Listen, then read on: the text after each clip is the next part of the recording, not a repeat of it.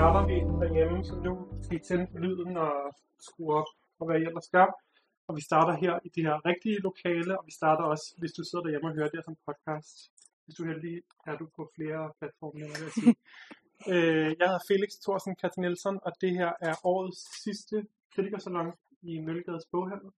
Det er også årets første prissalon, hvor vi skal give en pris til det, vi har valgt at kalde kritikersalongens favorit 2021.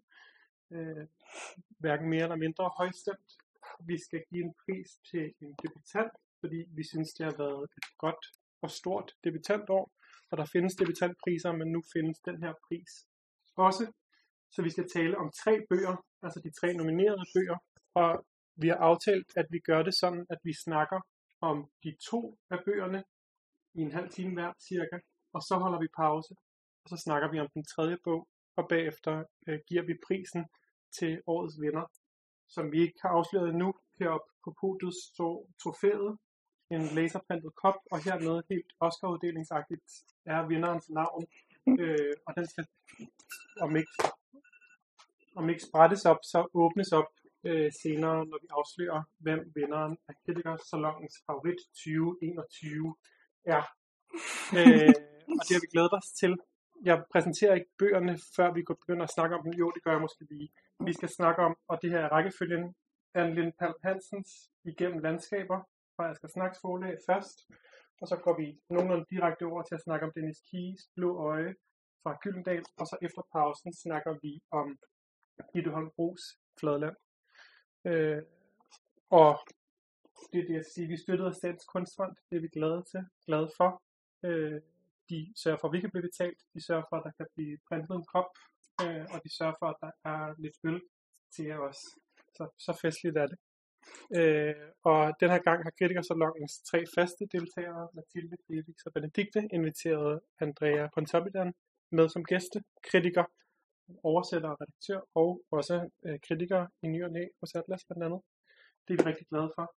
Vi har valgt de her tre værker, fordi vi synes, de er gode, først og fremmest, men også fordi vi vil gerne tage tre værker, som ikke øh, måske har fået lige så meget opmærksomhed som nogle af de andre debutanter i år. Der er mange debutanter, og der er mange debutanter, der har fået priser og opmærksomhed, men de her tre synes vi fortjent lidt mere. De har ikke været nomineret i de store debutpriser endnu i hvert fald, så skal de komme her. Øh, men, øh, men ikke oversete bøger, men, men bøger, der vi synes fortjener mere opmærksomhed. Øh, ja. De frivillige fra Møllegade har også været lidt med til at øh, udvikle og øh, inspirere os. Ja, de sendte en liste med deres favoritter, og så øh, plukkede vi det, vi havde lyst til. Og det er også os fire, der har valgt vinderen. Ja. Mm-hmm. Og der er kun én. det vil vi godt afsløre med det samme. Ikke noget, øh, der bliver ikke givet ved dørene. Selvom det var svært. Selvom det var svært. Ja. Men det øh, kan være, at I oplever det om lidt, når ja. knisterne flyver. Ja, det tror jeg var det. Tak fordi I er her. Ja. ja. Så vil jeg begynde med at åbne lidt for en læsning af Anne Lind Pal Hansens roman Igennem landskaber, øh, som er en roman, der falder i to spor.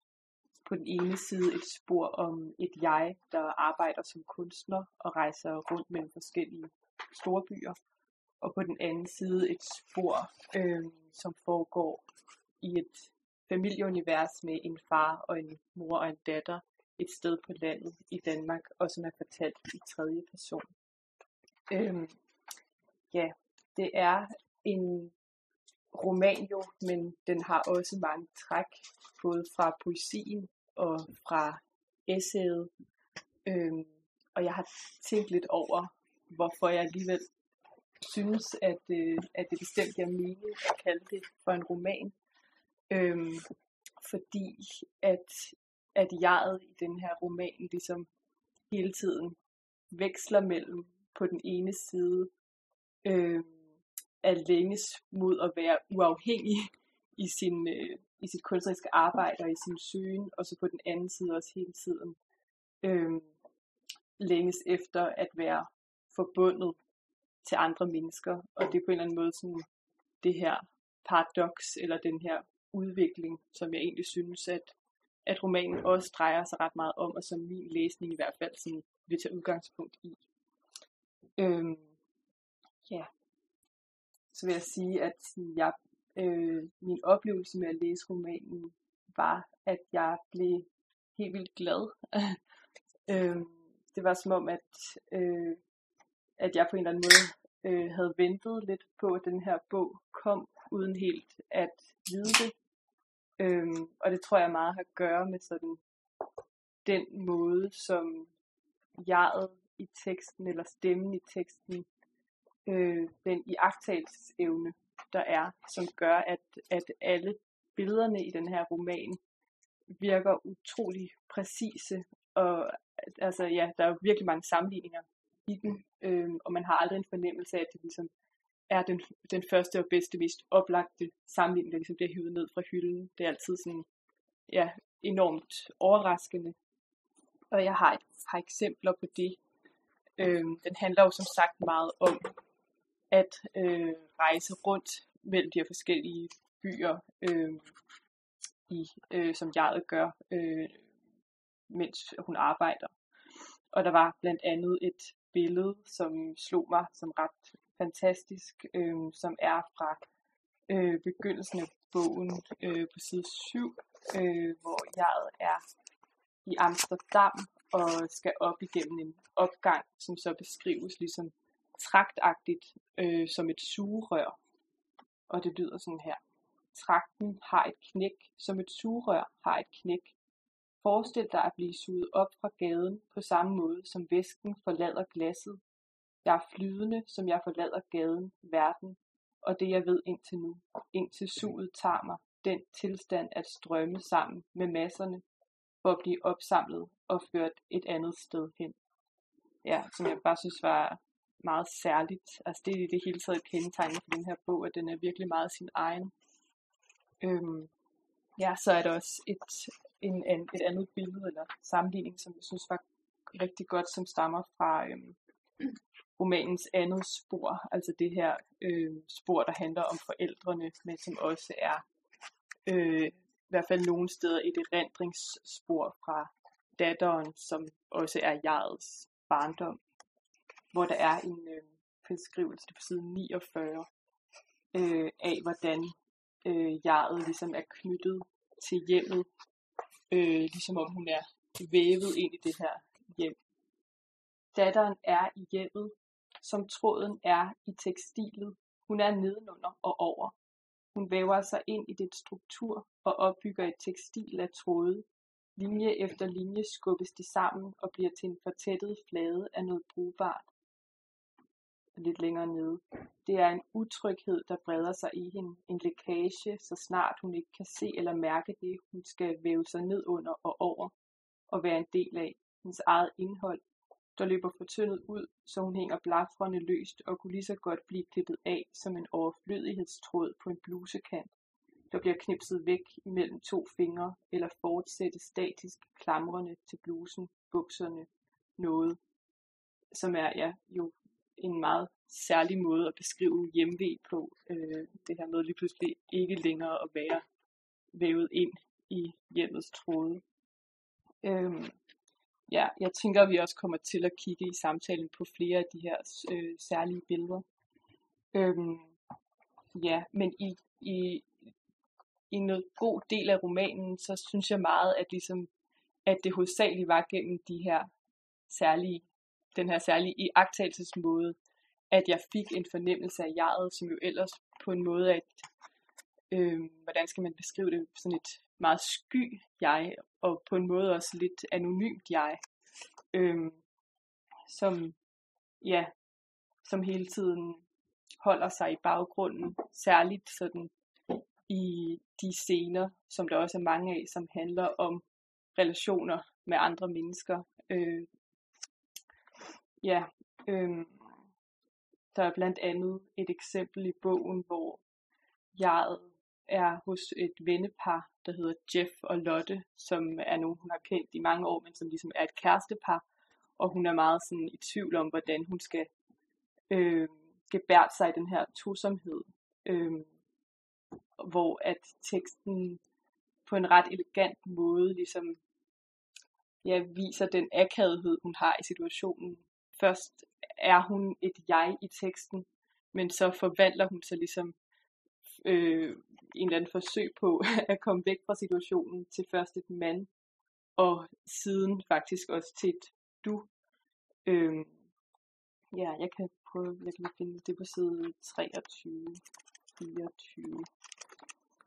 Øh, ja, her hvor hun først et jeg. Jeg mener, vi har et krydsfelt af interesser.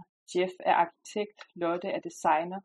Vi har gået i skole sammen, Lotte og jeg, og man overvejer, om man egentlig forstyrrer deres alenetid som par, og opdager et hul i strømpen, for de er et par, og derfor ærer man tæppet i en ligegyldig, restløs bevægelse, fordi man både er i tvivl om, hvorvidt man er i vejen, og om samtalen i virkeligheden er værd at deltage i. Man sidder her med sådan en ubeslutsom både og kedsommelighed. Og lidt længere fremme, hvor vi så, hun har ligesom mærket det her med, at hendes ben sover. Øhm, og så får vi ligesom det her skift til du. Og det går op for dig, at når du strækker benene ud igen, så vil dine ben sove, og de første par trin, du vil tage som oprejst, vil være uden at kunne mærke dine fødder, og du vil derfor vakle, virke fuld. Øhm, ja, jeg synes, det er en ret elegant måde ligesom at vise det her jegs akavethed i situationen, og sådan, når der bliver præsenteret et du i sådan en tekst, så tænker man jo selvfølgelig meget på, at det sådan er en ekstremt selviagtagende jeg, der ligesom kan omforme sig til et du, og samtidig bliver man jo også øh, hævet ind i teksten som læser i en form for identifikation, øh, som jeg synes er ret flot. Øh, men det, at romanen er så fuld af de her situationer, det skaber jo også mange steder, synes jeg, en form for sådan diskret humor, fordi det er så øh, ja, selvbevidst et jeg.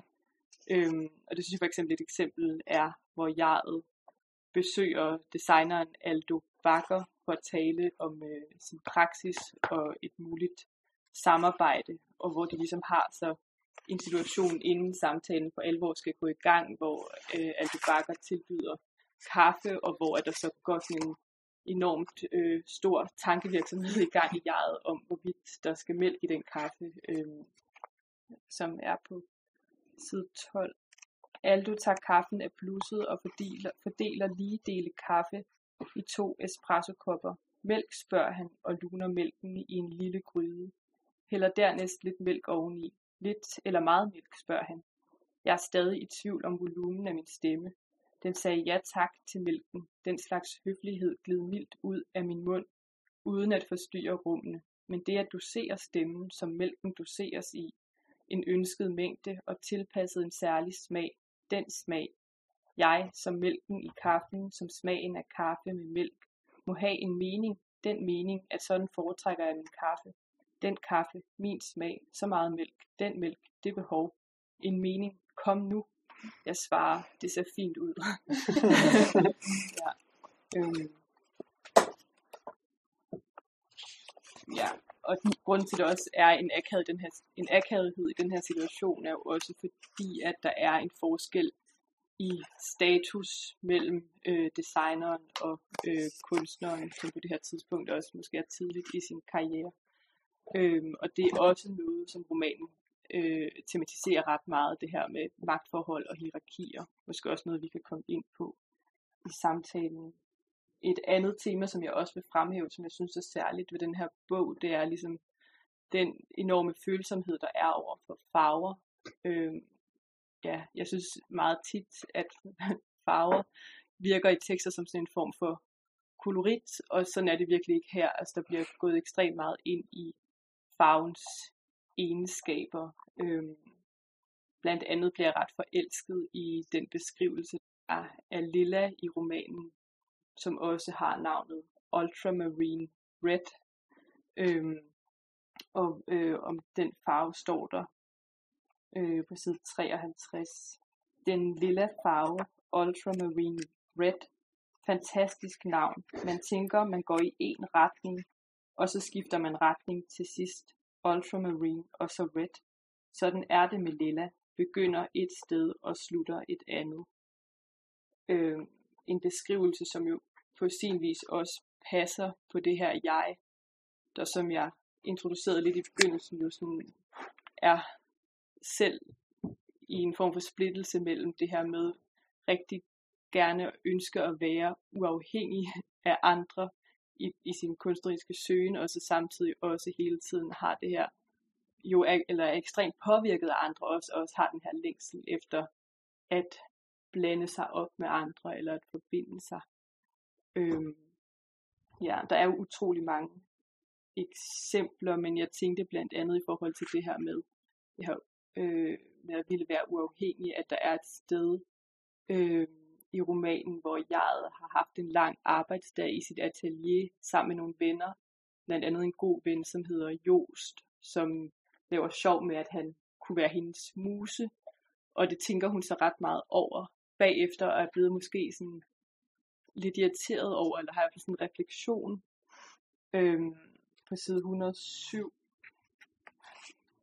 øh, hvor, er hun, hvor der står, jeg er træt af at have følelser for Jost, eller er det bare tanken om en muse? At man har brug for det, en der katalyserer en bevægelse i en. Jeg gider ikke have brug for en muse. Jeg vil gerne bringes fremad af egen drift, en egen energi, noget uafhængigt. Øhm, ja, samtidig med, at, at der er den her øh, længsel efter at, at kunne tale mere konkret, også øh, blande sig op. Altså der er et eksempel, som ikke har noget med jeget at gøre, men som handler om øh, pigmentfarver, som hun køber øh, på et tidspunkt, jeg tror det er i New York, som hun egentlig ikke har arbejdet så meget med før, men som ligesom netop kræver den her opblanding, øh, der står om dem. De fungerer først, når man kan blande dem, give dem et tilhørsforhold i form af væske, kaninlim, æg, lærred, sovs, suppe, olie, kød, gøre dem til noget konkret, som er sådan også er sådan ret fedt materielt sted. Øhm, ja, det, så, det handler jo selvfølgelig om materialet, men øh, jeg synes, den samme bevægelse går igen mellem jeget og de relationer, hun forsøger at skabe, blandt andet i forholdet til en anden ven, nemlig Thor, som vi støder på på et tidspunkt i romanen, hvor jeget skal flytte fra en lejlighed til en anden, og de to går og maler lejligheden sammen. Og hun har de her tanker om, at hun har meget sådan vanskeligt ved at udtrykke sig, øh, og ofte kommer til at udtrykke sig gennem metaforer, i stedet for at sige øh, noget konkret.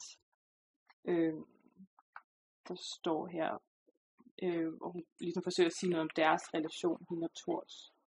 Jeg siger, for at fange en hest, der ikke vil fanges, må man lade, som om man ikke vil fange den.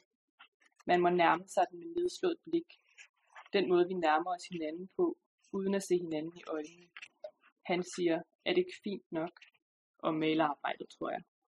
Jeg tænker på den afstand, vi taler i, når vi taler i metaforer. Egentlig ville det klæde mig at sige noget mere direkte, noget konkret. Øh, ja, så jeg synes ligesom, at det er sådan en, hvis man skal tale om en udvikling i den her roman, som jo er sådan ret fragmentarisk, som I nok også kan fornemme på de eksempler, jeg kommer med, som jo er meget sådan, ja, spredt. Det er absolut ikke en plotdreven roman. Så synes jeg alligevel, at der er en, en udvikling øh, i romanen, som går mod det her ønske om at kunne formulere sig direkte. Og jeg synes også, jo længere man kommer ind i romanen, at at henvendelsen bliver mere og mere øh, direkte.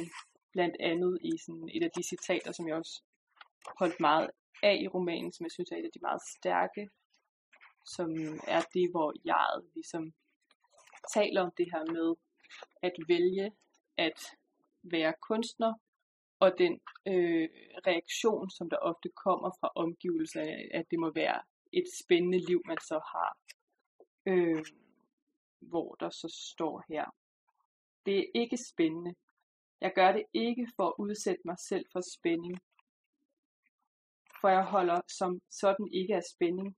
Jeg skal sige dig, en hver form for brud på rutine giver mig dårlig mave og bankende hjerte.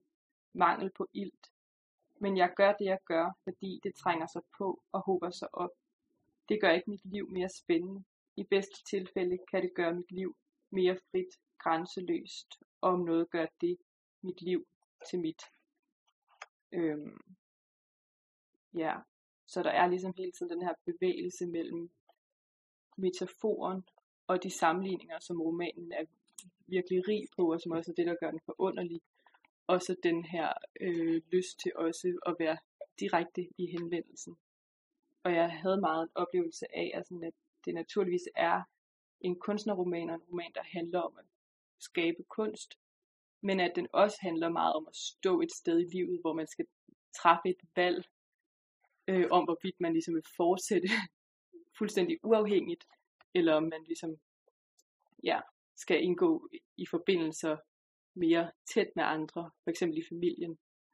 Øhm, ja, så ja, jeg synes, der er meget, der brænder på i den her roman på flere måder.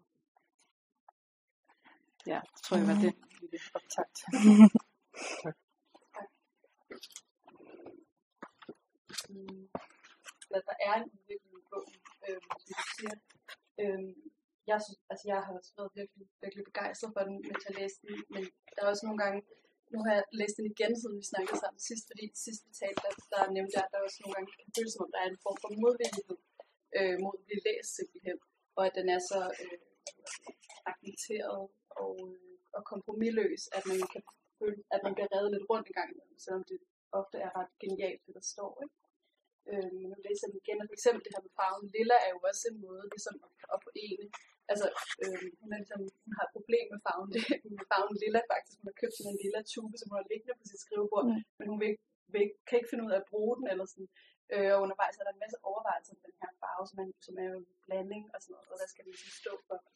Øh, som, altså, og så på et tidspunkt senere hen, øh, er der så sådan lidt virkelig ekstatisk afsnit, der bare handler om Lilla, og fantastisk Lilla er.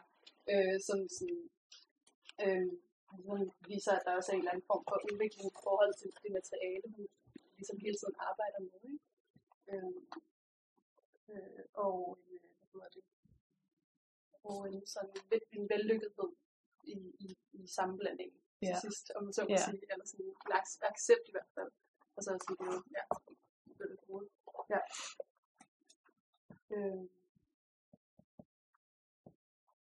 Men det er rigtigt det der med, at, den, det fragmentariske nogle gange er svært ligesom, at være sammen med som læser. Men jeg, der er på et tidspunkt, bliver der beskrevet, nu har jeg ikke skrevet hvor det er henne, men hvor jeg beskriver noget med at have sådan en notesbog, hvor hun jo ikke skriver i siderne, men hvor hun farver dem. Mm. Der igen, det er et ret fint stykke, hvor hun ligesom farver alle siderne, eller ikke alle med det samme, men ligesom, altså, hun bruger notesbogen til at farve, og så beskriver hun ligesom, det er ikke fordi, at den er sådan dejlig at bladre i, men den har sådan en, den får sådan en taktilitet af, at mm. alle, I ved, når noget papir bliver vådt inde i sådan en notesbog, så bliver den sådan sammenkrøllet mm. og fin.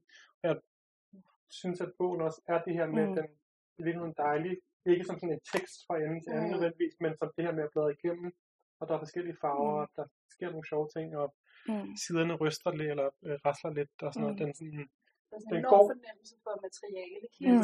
Ja. Og den går mere efter at være notesbog, mm. end at være, og selvom den også er roman, mm. altså, som kan jeg læse den i hvert fald, mm. den, det giver mig noget, ikke at læse den bare som en anden, men også mm. sådan, ja, det bladrer. Ja. Den er jo en, en kunstner, som også reflekterer over sin praksis og bruger det som en måde at at skrive det ud på. Eller sådan. Og jeg synes også, jeg tænker også meget på, at der er jo ligesom også, altså netop farve er på en måde også en, en rød tråd i romanen, at den hele tiden vender tilbage til farven.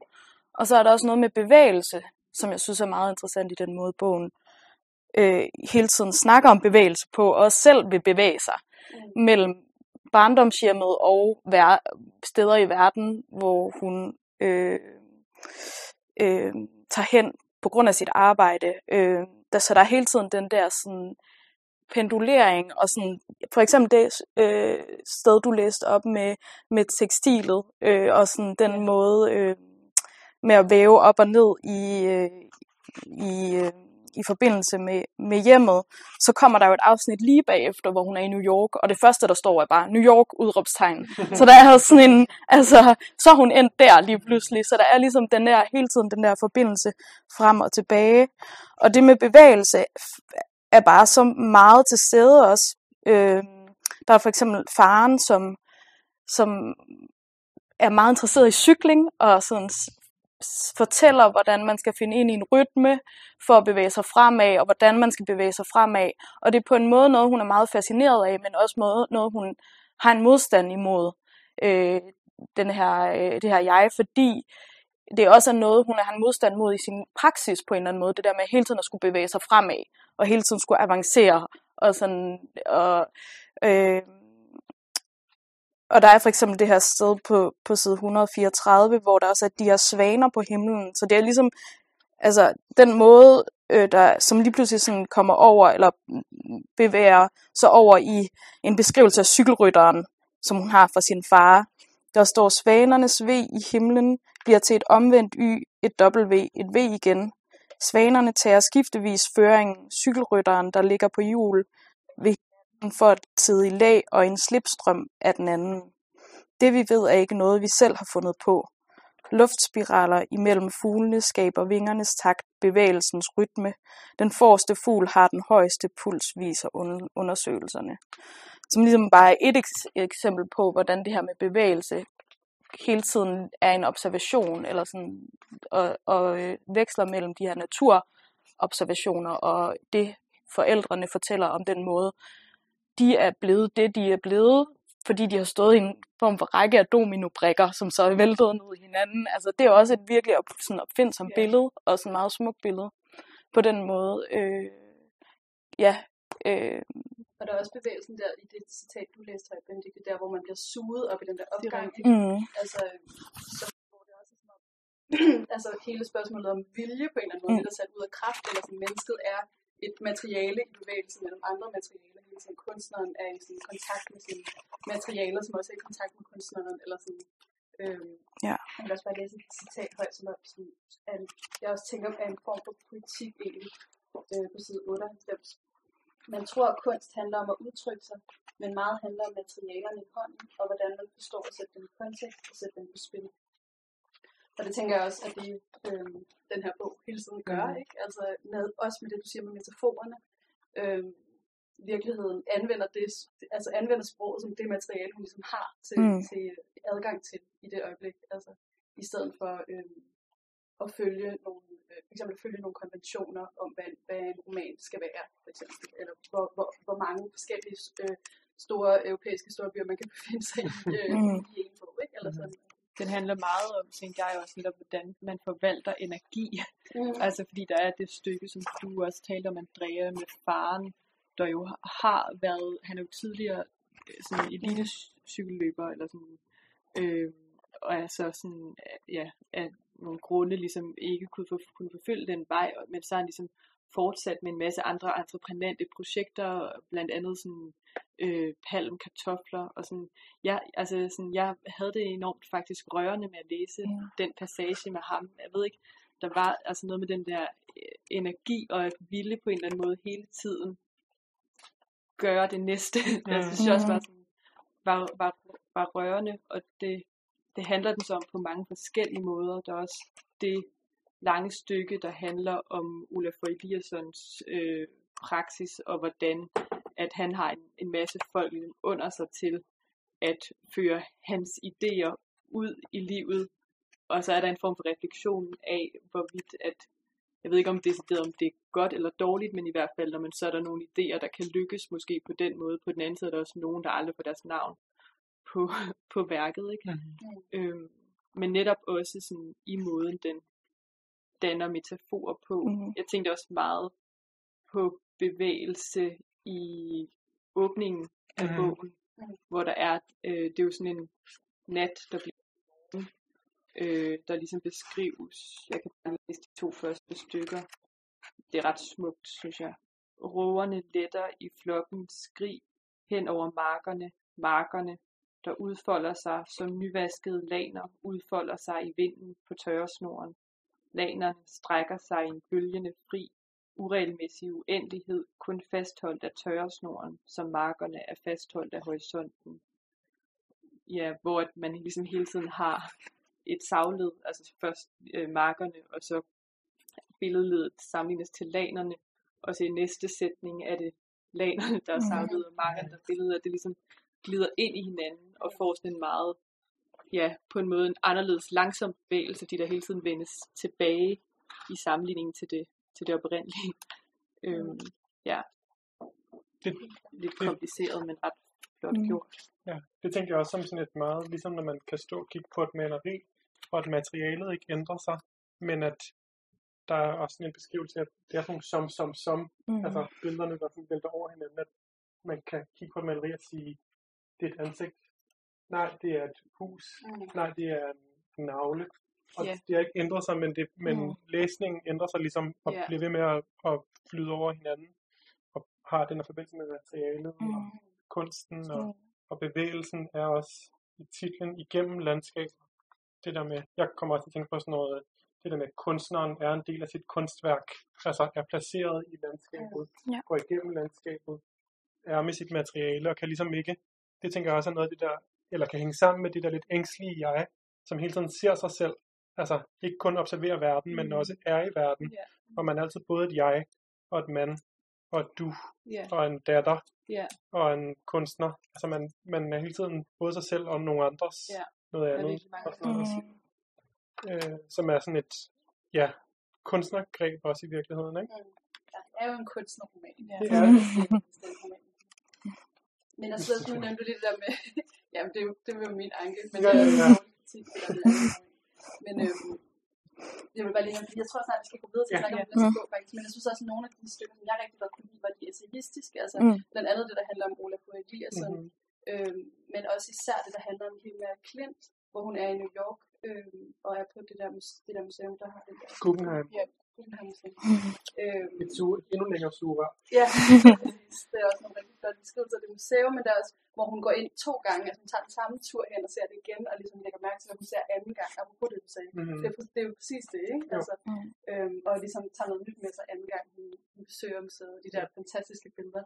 Øhm, ja, hun er sådan, hov, jeg har slet ikke læst billedteksterne. Nej. Så det er så næsten irriterende kunstneragtigt. Ja, den er jo lidt, den tenderer til det krukket nogle gange. Ja, ja, ja. Ja, ja den er på hjemmebane. Ja. ja. Må jeg skulle måske, at runder vi af nu? Ja, afsluttende bemærkninger. ja, jeg vil bare sige, at hvis man er interesseret i at se Anne Lind Palm Hansens værker, så kan man lige nu se dem på Copenhagen Contemporary.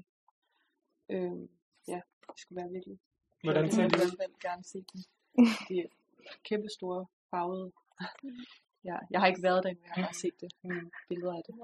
Mm. Dejligt. Så ruller vi ja. suret sur videre. Den suger direkte over i det ski, tror jeg.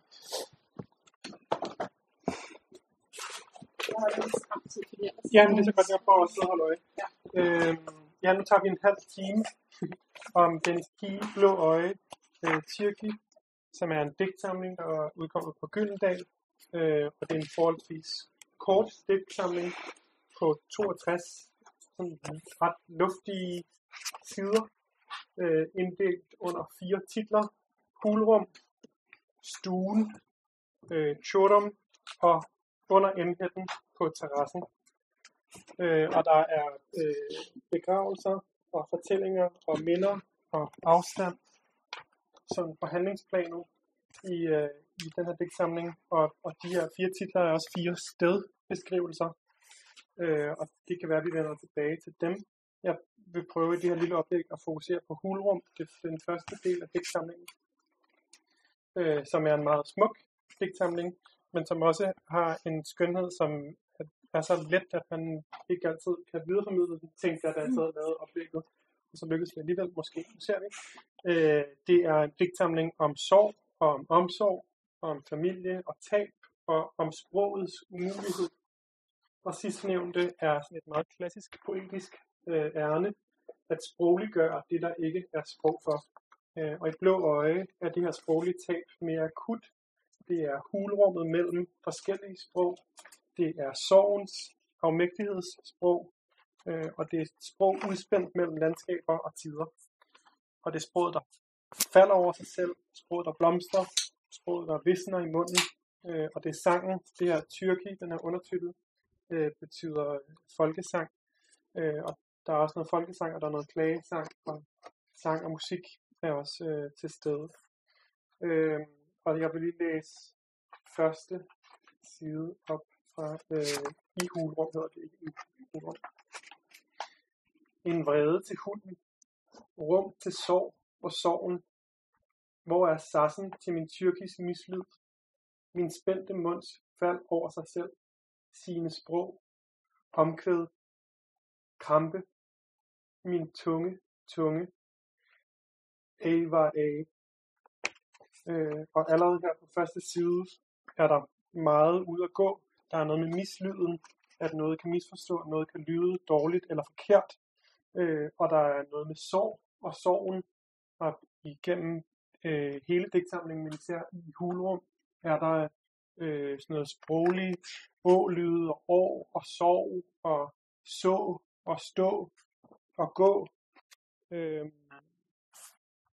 og det her tunge, tunge sproget, der sådan falder over sig selv helt øh, tydeligt her. En tung tunge, men også tunge tunge. Øh, de forskellige sprog, der er ude at gå, der er tyrkisk og der er dansk, som ligesom blander sig. Det er primært dansk, men der er, er tyrkiske ord. Øh, og det her vigtige forhold mellem, eller det her vigtige ord sorg, som er, op, er mange gange i bogen, som både er et sorg, altså et fysisk eller psykisk eller traumatisk sorg, men også at man sår noget, noget der kan gro. Øh, og det kan jeg lige læse op her fra side 14. Der er en, en tydelig, øh, eller 14 og 16. Min elskede fætter, har jeg fortalt dig om det sår jeg ikke kan vride tørt. Det vrid min barndoms tidlige rygsøjle, står der på side 14, og på side 16 står der, gå, gå, hver dag, gå, gå i opløsningen, det første sår, der såede det.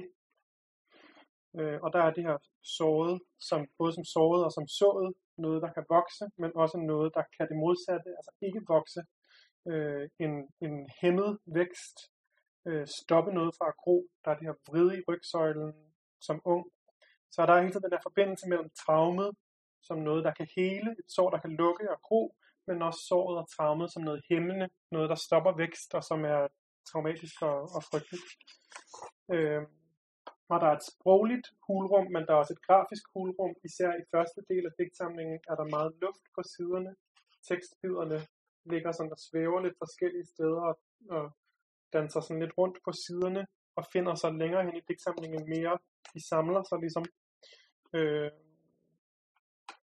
øh, og jeg nåede at tænke, at de ligner, nogle af dem ligner lidt sådan ansigter grafisk, eller der er sådan, de, de bliver til noget, nogle af de her, hvis man har lyst til at se det. Øh, jeg kan lige læse op igen fra side 12, hvor der især er noget form ud at gå.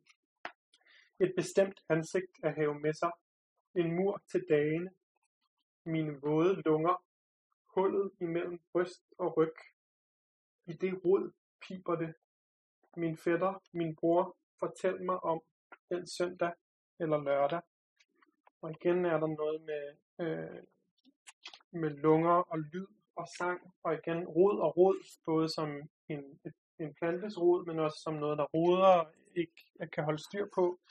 Øh, og der er hele tiden den her dobbeltbetydning i mange af ordene, som også hænger sammen med det dobbelt sproglige. Der er flere sprog i bogen. Øh, der optræder optræder en del af de her tyrkiske ord, og hvis man, som jeg, da jeg læste den, ikke kan tyrkisk, skal man slå ordene op. Der er ikke nogen ordbog, der er ikke noget, de bliver ikke oversat ind i teksten. De står sammen, og de er ikke kursiveret. Man kan genkende mange af dem, men, men de er ligesom ikke forklaret eller oversat øh, så man kan sidde på Google Translate samtidig med at læse. Og det er dejligt, så får man også sådan stillet sin digitale tørst, tænker der at læse den, så man kan, når man er vant til at sidde og gå på sin telefon, så kan man oversætte i stedet for at, at gå på Instagram. Øh, og det er selvfølgelig også til stede i titlen Blå Øje, øh, som kan henvise til det her øh, Nazar, det her blå øje, man kender fra tyrkisk mytologi, kender sådan amuletten, den er der som emoji, hvis vi skal blive det digitale, øh, og som er den her amulet, der kan holde onde ånder væk. Øh, men der er også noget danskhed over at have blå øjne. Der er også et, man kan have fået et blåt øje. Der er noget vold eller noget kropslige forfald, øh, og man kan være blåret og naiv. Der er ligesom der er mange billeder allerede i titlen. Øh, og jeg tænker, at den her digtsamling også selv prøver og nogle gange lykkes med at være sådan en amulet og et værn mod det onde. Der er rigtig meget omsorg, det kan vi snakke om om lidt. Øh, eller en mur, eller et symbol, men i hvert fald noget, som er sådan tungt ladet, det her blå øje. Øh, og det tænker jeg, at den også sprogligt gør, den her digtsamling. Alt er meget ladet. Og det er det jo selvfølgelig tit i en digtsamling, og især i en digtsamling, hvor der er så forholdsvis lidt tekst, men den er virkelig øh, ja, sprængfyldt. Øh, og sproget kan sove, og sproget kan så, og det kan gå og gå og gå og gå i opløsning. Øh, ja, det var mit mm. oplæg, og jeg tænkte egentlig, at vi kunne fortsætte eller starte med at snakke om, om sproget, yeah. mm. fordi det er så vigtigt.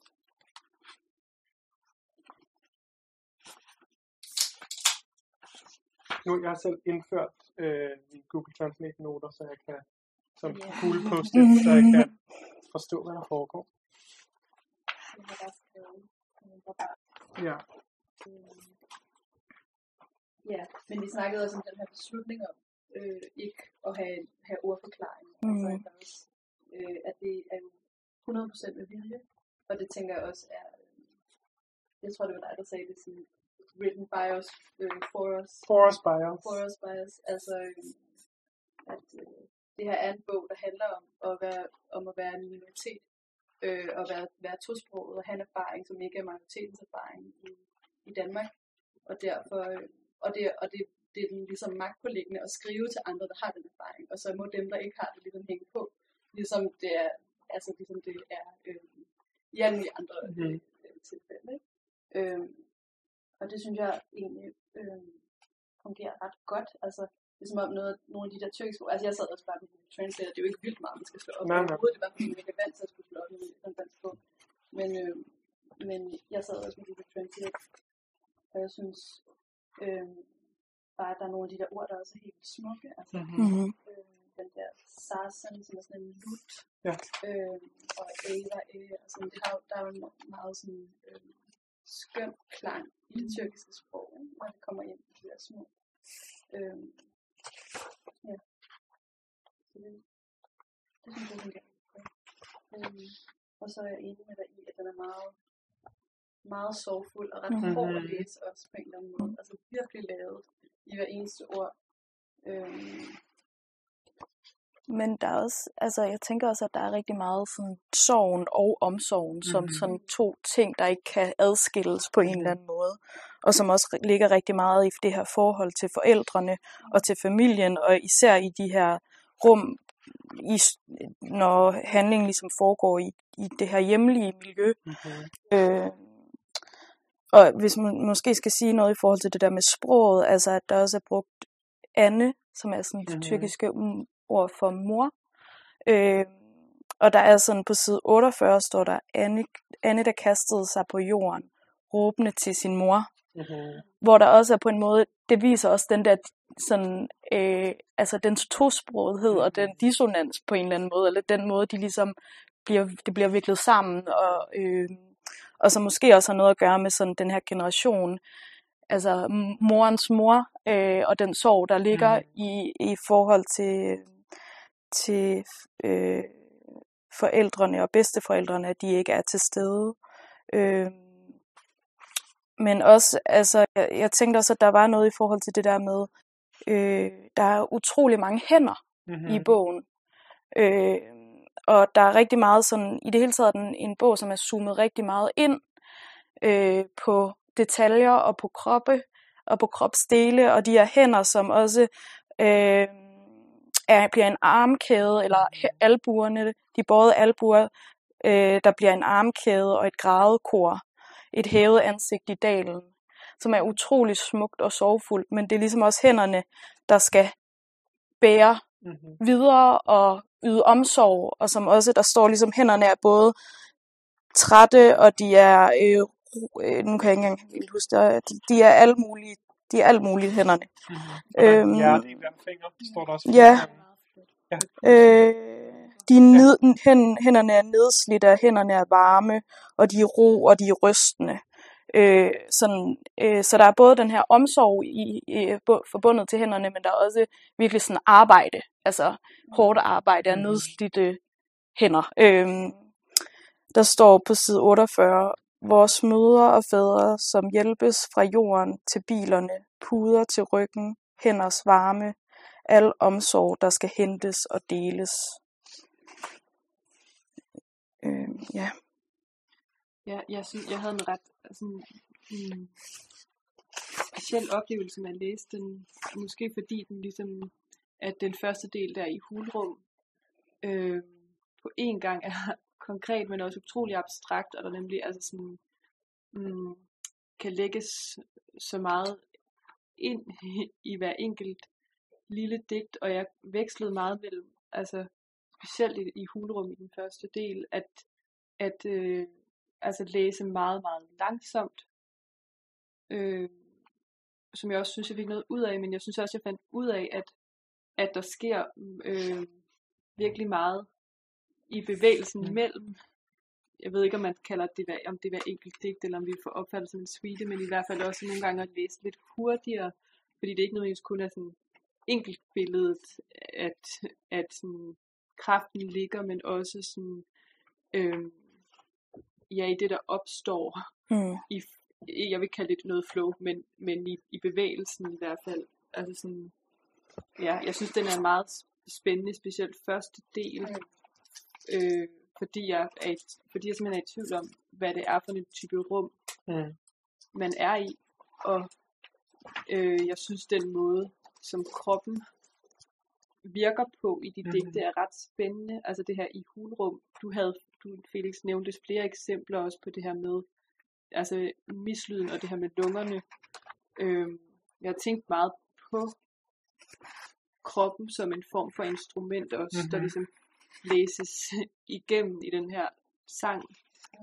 Øh, og så samtidig er der også flere steder, hvor jeg tænkte på den som, ja, altså det var det på digt på side 12, som du også læste, Felix, et bestemt ansigt at have med sig, en mur til dagene, mine våde lunger, hullet imellem bryst og ryg. I det rod piber det. Altså det var den der, det der instrumentagtige. Samtidig med, at, at kroppen også mange steder bliver sådan en form for netop mur eller sådan en overflade. Mm. Det går også i, ja, i, præcis igen mm. med det med bark. Mm. Øhm, ja, sådan er ret spændende, at den, at den både er, den, at det, er det her ligesom ja, hulrum, mm. og så samtidig sådan en stærk overflade, eller en forsøgsvis mm. stærk overflade. Øhm. Men jeg tænker helt klart, der er sådan en eller anden, altså når, når der i første digt bliver efterspurgt, hvor er sassen, som er sådan en loop-instrument, mm. hvor er sassen til min tyrkisk mislyd, altså hvor er det instrument, jeg skal bruge til at synge den her mm. folkesang, det er der ikke. Det mangler Nej. ligesom. Ja. Og så sidenhen er lungerne ja. et hulrum, mm. hvor de kan pipe fra, og der kan græde, så der kan synge. Så der er sådan en med at være, enten at blive eller være instrumentet. Hvis man så ligesom putter det der træagtige ovenpå, så ligesom at være ja. den her lut mm. selv, ja. der ligesom øh, kan frembringe en mislyd af det også hele tiden. Ikke? Ja. Altså, mm. ønsket om at ville synge rent, og der er også et ønske om at tale rent på et mm. tidspunkt, der er sådan noget med øh, på side 19, men at køre tandbørsten rundt i munden. Mm. Ja. Se, hvor jeg kan. Tandbørsten, jeg smadrer rundt i munden. Jeg snakker flot. Jeg snakker flot. Fattige hænder. Mm. Øh, som... ja, lige præcis. Jeg læser egentlig meget det første digt som en form for afmagt. Altså mm. en form for sådan, kan det her overhovedet lade sig gøre? Mm. Øhm, og så prøvede jeg, googlede jeg længe på at finde ud af, hvad Ava F betyder. Og det betyder, hvis noget i retning af oh well, eller sådan ja. okay, mm. eller sådan. Oh god, ja. Yes. Så min Google Translate. Jeg bare... Ja, no, oh god. Det er lidt sådan, ja, det er jo to meget forskellige. Ja, ja, men det er oh. Ja, altså. Ja. Her er vi. Ja, oh ja. Ja, ja. ja hvis, det skal give mening for os, det jeg skulle ja, ja, sige. så er det ligesom en sådan afvisning af den afmærksomhed. Mm. Okay, nu, jeg prøver alligevel. Mm. Eller sådan. Øhm, så det, det bliver ligesom det, den afmagt, som egentlig er hele fundamentet, eller sådan, bliver ligesom ja. afvist, og så er det sådan nu.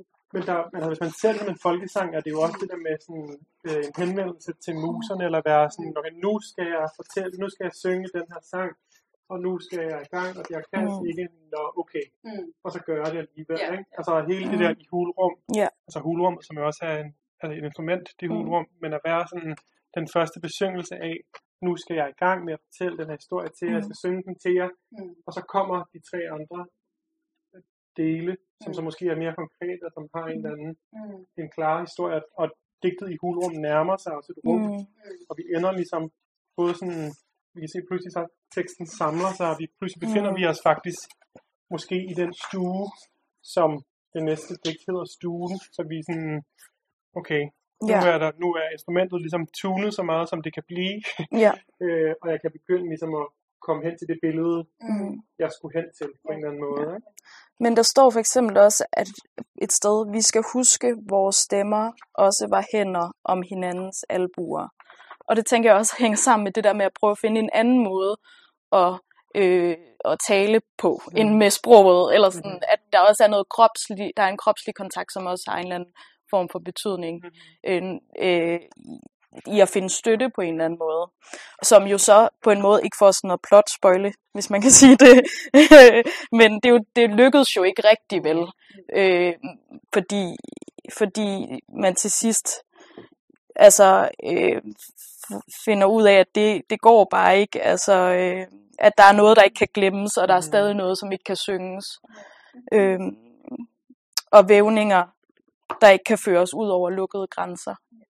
Øh, ja. Jamen, og det, det handler om det der sprogets afmagt. Mm. Altså, det du ikke kan sige, altså den, den sorg, du ikke kan udtrykke, den omsorg, du ikke kan udtrykke, det kan dine hænder, det kan mm. din krop måske Til en vis arbejde grad. sig hen imod, Ja. ikke? Moren, der ikke, som også ikke kan sige, hun kan ikke huske mere fra 1980, Mm. men kan ligesom, står der, men kan, har ligesom sin historie i sig i sine hænder og sin krop, som ikke kan klare det hårde slid og sådan noget. Så det, det der sprog, der ligesom også kommer ud alligevel, Mm. eller altså mislyden Ja. vil ud, ikke? Alt det, der ikke kan glemmes, og Ja. alt det, der stadig ikke kan synges, Ja. som der står på sidste side, og som også ender med, min tyrki må ende, som mit ansigt kort og fucked, Mm.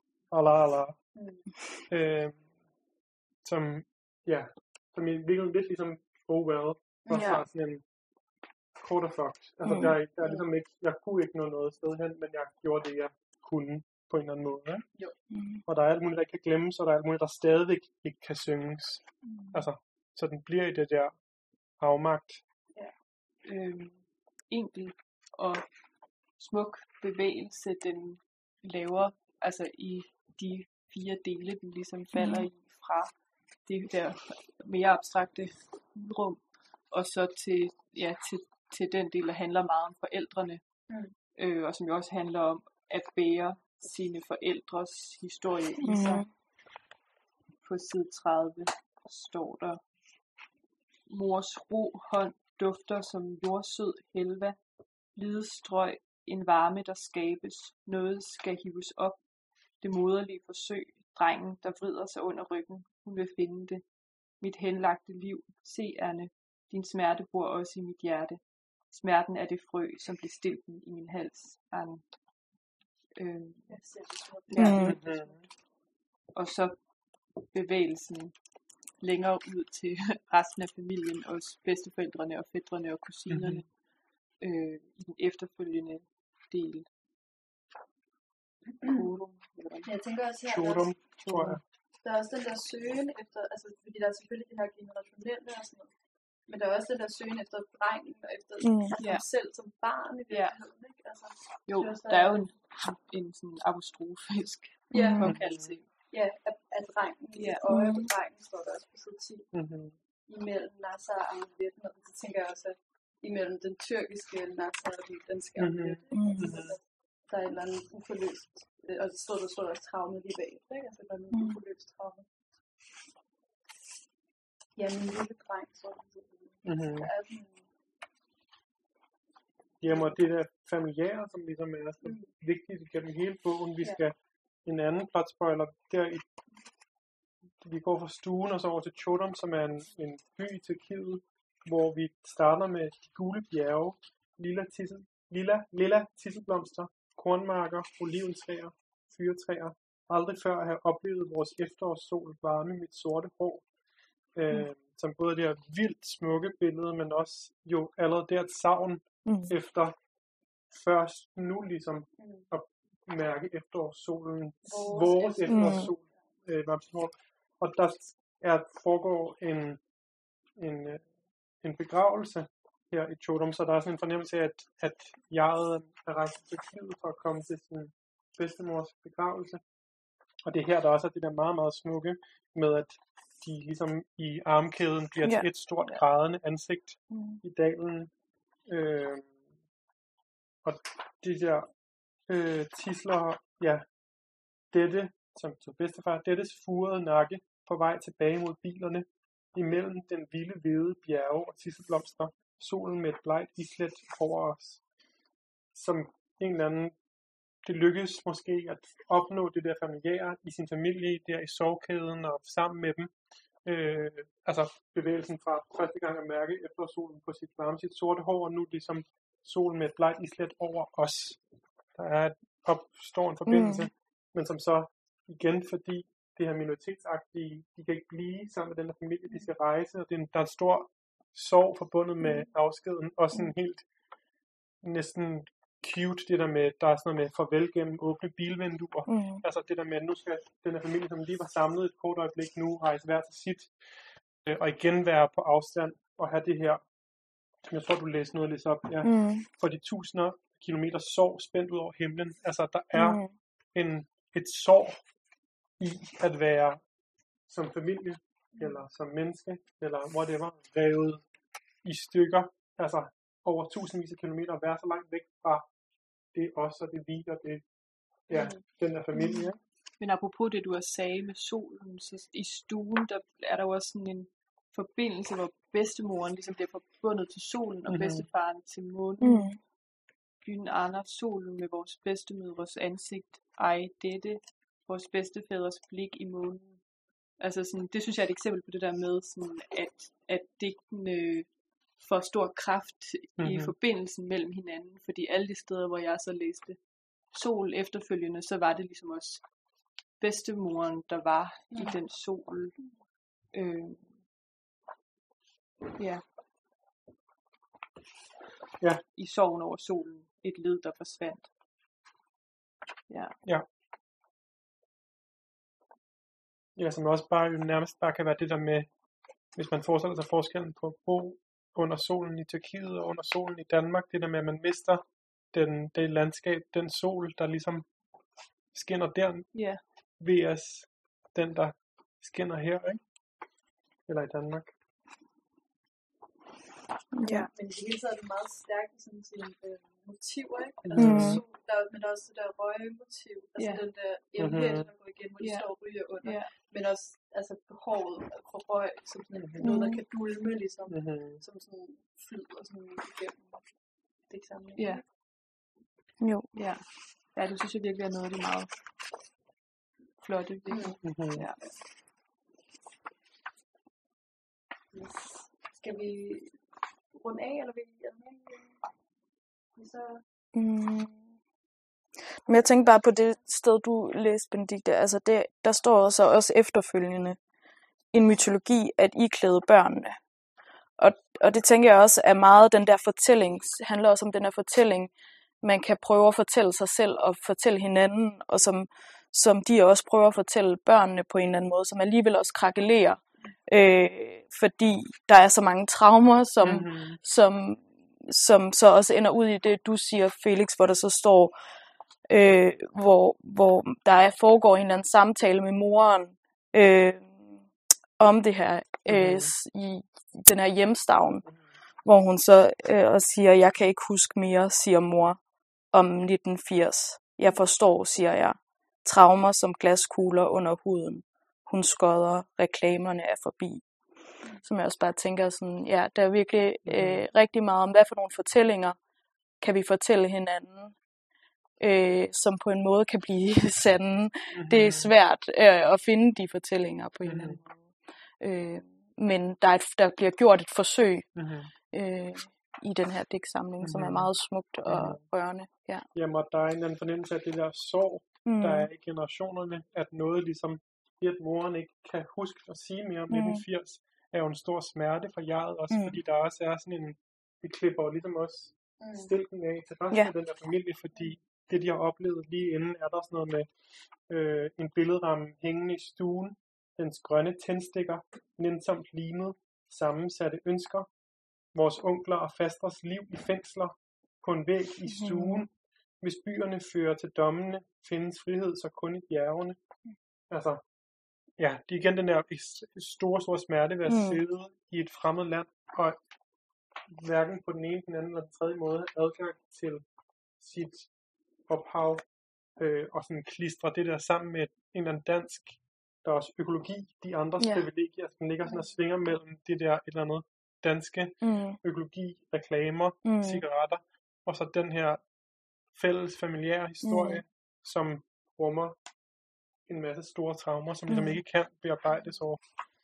Ja, og så samtidig at de to, det, det er jo virkelig også et eksempel på, at uanset at du er i det her rum, som hedder i stuen, så er det jo hele tiden gennemtrængt af den fortid, mm-hmm. øh, som, som måske ikke kan genkaldes fuldstændig, men som jo hele tiden går igen. Mm-hmm. Mm-hmm. Ja. Ja, en smuk sang. Og jeg laver lige et lille oplæg for at fortælle lidt om ja, den tredje bog, som vi har nomineret, som vi også er rigtig glade for. Vi er meget glade for alle tre bøger, kan ja. godt afsløre. Det har været meget svært at vælge, men den sidste hedder Fladland, og er skrevet af Ditte Holmbro, og den er udgivet på, på forlaget Kronstorp. Og det er en, øh, en roman, øh, som er meget romanagtig, kan man sige, med et plot og med, øh, med en, en masse karakterer og en hovedperson, som hedder Sally, som er 12 år gammel. Det er en form for ungdomsroman, kan man sige øh, og den foregår i Vestjylland i 90'erne, i slutningen af 90'erne, øh, tænker jeg. Øhm, og det, der ligesom er den, det interessante ved den, er, at det, det er et portræt af Sally, som ligesom står på tærsklen mellem barndom og ungdom, øhm, og virkelig inkarnerer begge to ting på en meget, meget intens måde, det her tidspunkt i livet, hvor man øh, både kan nyde sin lyserøde og puslige sofa, som knirker på den helt rigtige måde, når man ligger i den, og samtidig synes at Jesus er lækker, og øh, altså øh, have alle mulige begærsretninger, men også tænke rigtig meget på slik og Disney-film, og sådan... Øh, og det, det, det er den her dobbelthed, som jeg synes har hæftet mig rigtig meget med, som jeg synes er, er mega spændende. Øhm, og det, som, som gør, at det, øhm, at det især fungerer, det er, at det er et virkelig uironisk portræt. Altså, øhm, noget af det, vi også har snakket om i forhold til den her bog, at, er, at den, at den her 12-årsalder kan, kan i hvert fald være en ekstremt pinlig alder, øhm, og bliver tit skildret som noget, der er meget, meget akavet, og som man måske egentlig i sit eget liv i hvert fald undertegnet kan skrive under på det, så jeg måske ikke har så meget lyst til at tænke tilbage på.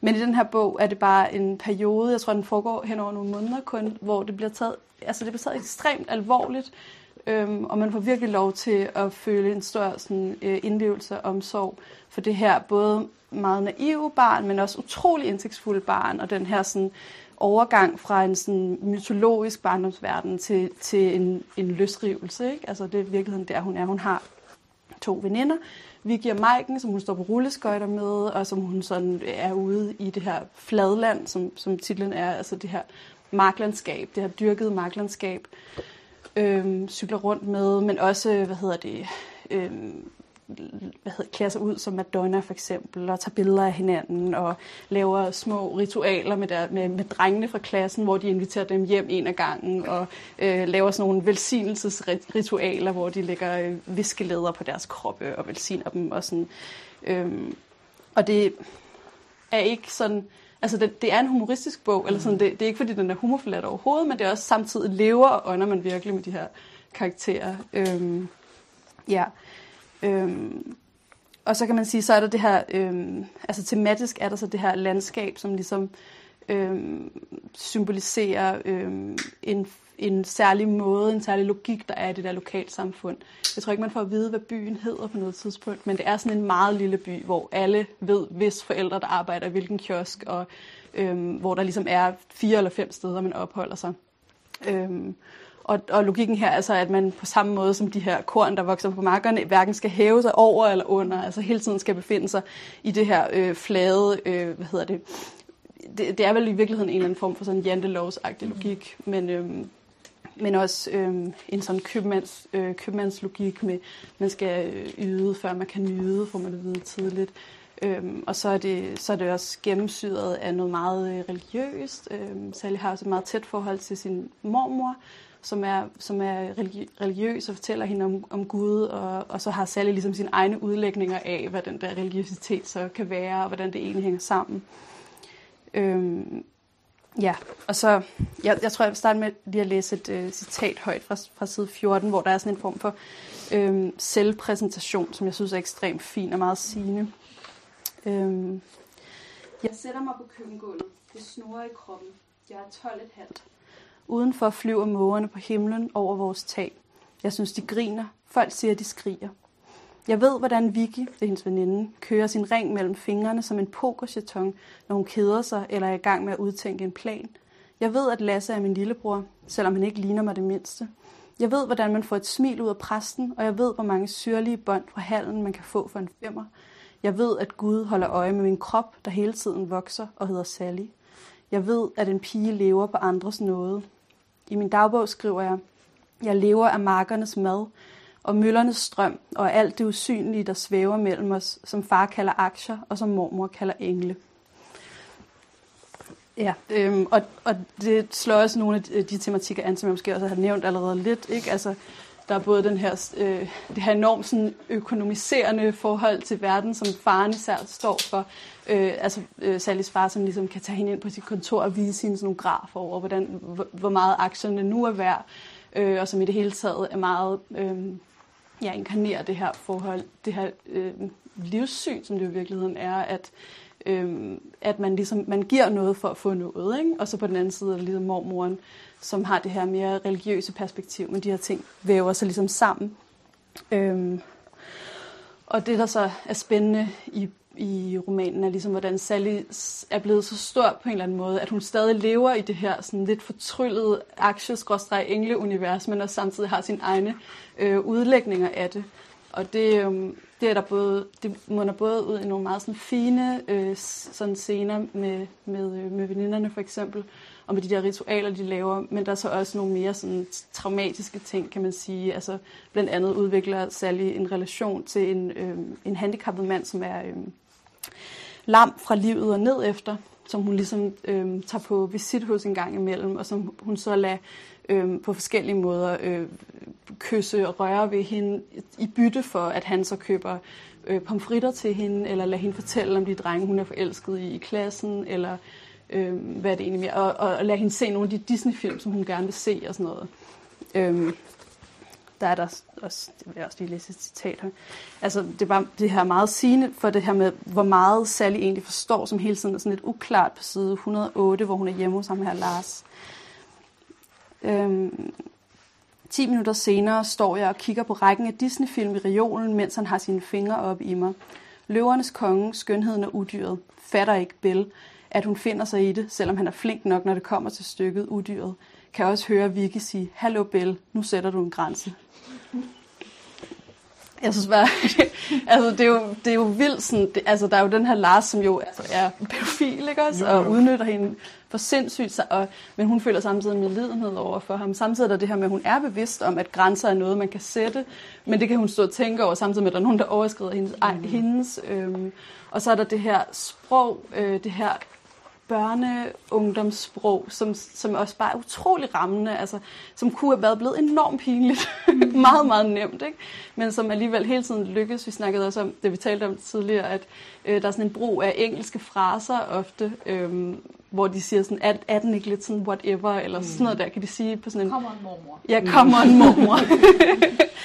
som, øh, ja, som bare rammer det rigtig godt. Øh, ja.